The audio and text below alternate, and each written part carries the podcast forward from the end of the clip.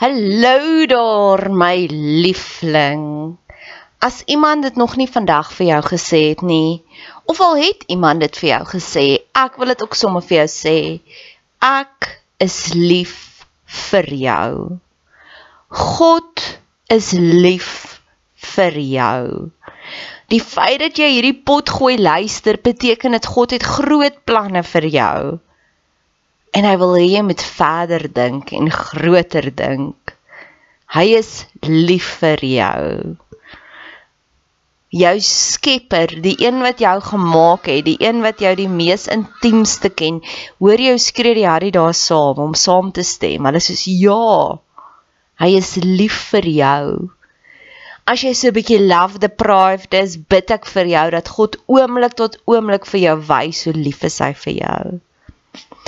Dis hoekom al die van of al die briewe begin met soveel joy in die Bybel, nê? Nee? Gaan lees bietjie daardeur. Um Johannes skryf, ek hoop dat jou siel 'n skat ryk. Judas skryf, is nou Judas wat hy skryf, liefde is op pad. En ek dink is ook Judas wat praat van mag alles binne in jou jubel van blydskap want God is so amazing. En weet jy hoekom skryf hulle dit? Want hulle het dit ervaar en dit is soos daai liedjie I can't keep keep it in I have to get it out. En dis my seëning vir jou. Al hierdie verhoogde emosies wat ek ervaar, mag jy dit ook ervaar want ek weet hoe voel dit om daaronder te wees en dood te wees binnekant maar ek weet ook hoe voel dit om te vlieg soos 'n arend. Mag jy dit vandag ervaar. Dankie dat jy tyd spandeer op my kanaal. Dankie dat jy jou kosbare tyd investeer. Maak kontak. Ek love dit om van julle te hoor. Niks gee vir my soveel joy soos om te sê 'n boodskap neem. Ek is op al die platforms, Instagram, Facebook. Stuur vir my 'n Facebook boodskap, Bet Seber en ek stuur sommer vir jou my selfoonnommer. Laastens, as jy wil betrokke raak, asseblief doen. Ek het altyd hulp nodig. Hulp nodig aan bemarking, hulp nodig as jy van jou tyd wil investeer in koninkrykswerk. Jy hoef nie net pannekoeke te bak by die kerk bazaar om koninkrykswerk te doen. Jy hoef nie net soos jy Jehovah getuies gaan klop aan deur om te sê wil jy deel word nie. Daar's soveel meer maniere. Geniet die podcast. Dis 3 minute. As jy as jy dit een keer geluister het en jy wil dit elke keer forward, ek gaan jou eer 3 minute. Gebed vir Becky Telly en die polisie diens. Nou eerste van alles, voel ek hulle is eintlik vir my tans die belangrikste. Want misdaad voel ek is die grootste probleem hier in Suid-Afrika. En nou onlangs met al die trokke wat gebrand het hierso Ja, dis is 'n nuwe vlak van kriminaliteit. Eskom water en nou logistiek val hulle aan. Dis my lekker om te hoor dat Becky Cele sê op 'n stadium daar is 'n oorlog. En ek wil graag hê ons moet begin dink aan die feit dat Suid-Afrika is in 'n laaggraadse burgeroorlog want om in ontkenning te lewe daarvan it ain't gonna serve us ons moet die lig van consciousness bring op hierdie probleme. Ek het begin bid vir Eskom al 2 jaar terug en ek glo regtig waar die feit dat Andre de Ruyter se boek het uitgekom. Ek het inside info van hoe moeilik gaan dit tans in Eskom want hulle het soveel addisionele audit sisteme in plek gesit. So daai throttle word gedruk Hulle kan nie meer so maklik by Eskom steel nie. En nou gaan dit uit na waterwese toe en dit gaan nou uit na na trokke toe. Trokke wat hulle aan die brand steek. Ek het die pres die media verklaring gisteraand gekyk. Ek het begin met lie to me en toe sien ek al die goed wat hulle daar sê en hoe hulle dit so bestudeer. Toe kyk ek die video en dis ek dis o, hier jokkai daar, jokkai daar, jokkai. Want ek het die video gekyk op soek na vrees in Becky Telly en ek het niks vrees gesien nie. Ek het delight gesien.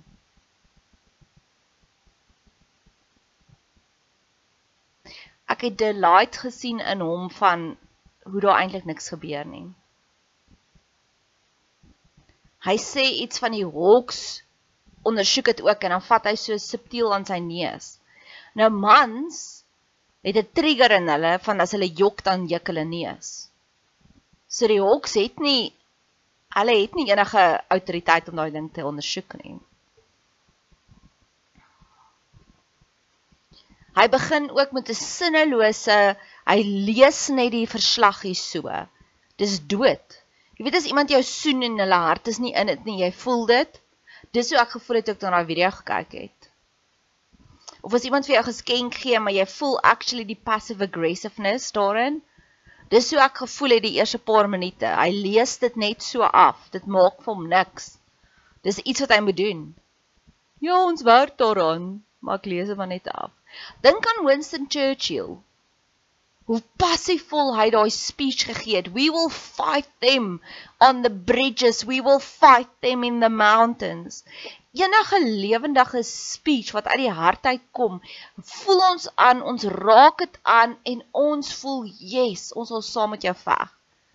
Daai ding van hom is dood. Van is platitudes. Dis 'n dominee wat staan op 'n kansel en hy preek, maar hy glo nie in sy eie goed nie. Ons voel dit aan. Dan op 'n stadium kom hy by, ooh, ons het al ag ek dink hulle 12 mense gearresteer. Dan is daar groot theatrics, hand theatrics dat hy so hy maak homself, hy maak sy ego groter. Kyk hoe amazing is ons ons, ons het al 12 mense gearresteer. 12 mense 2 jaar later is niks.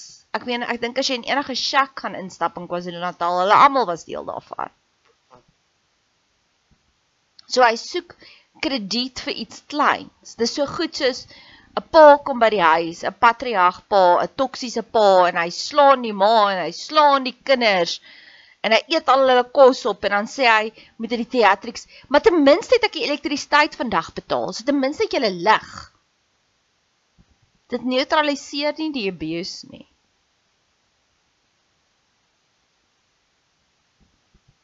Dan sluit hy af met 'n bietjie waarheid en dit was nogal 'n turning point vir my in daai speech wat hy sê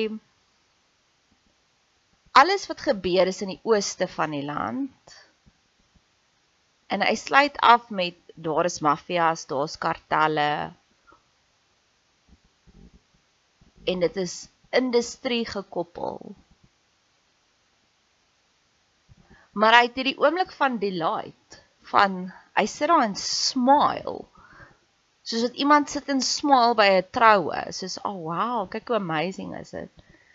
Totdat hy regtig waar die consciousness daarop lig.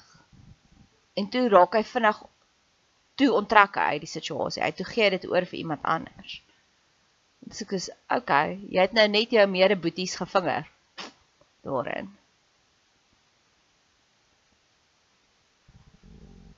My voorspelling is as hulle gaan nou nog erger reageer, dink ek.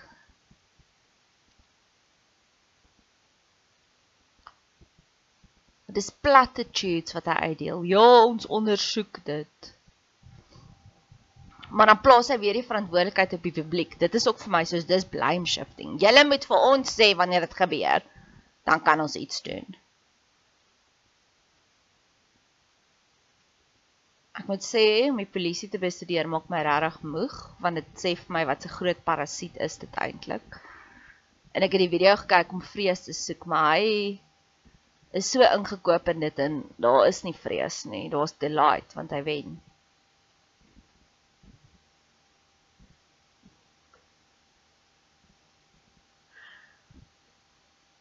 Dit gaan alles vir my oor greed. Daar is van hulle wat nou agterkom en daar's makliker maniere om geld te maak. En greed is alles ego.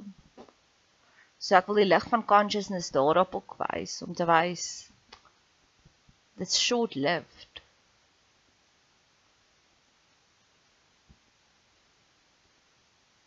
En ja, Here, dit maak my moeg.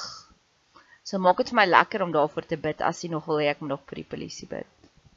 Soos dit dit lekker gemaak het om vir Eskom te bid. So ek kan noot al partykeer vra mense vir my watse tipe geskenkies wil ek hê. So ek wil net graag hierdie volgende by jou submit. Indien my podcast enigsins vir jou lekker is, is jy baie welkom om vir my 'n boodskap te stuur. Jy kan my vind op op Facebook Bet Seber, op Instagram Bet Seber, B E T S E B E R.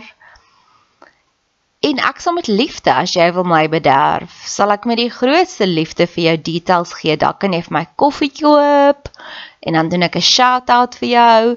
Dalk kan jy vir my vir my haarkapper 'n geldjie inbetaal, dan gaan doen ek my hare en dan kan ek sê dankie vir jou. Ek hou van praktiese geskenkies as jy gelei word om dalk as een van my advies dalk vir jou jou lewe makliker gemaak het. Raak deel, raak betrokke.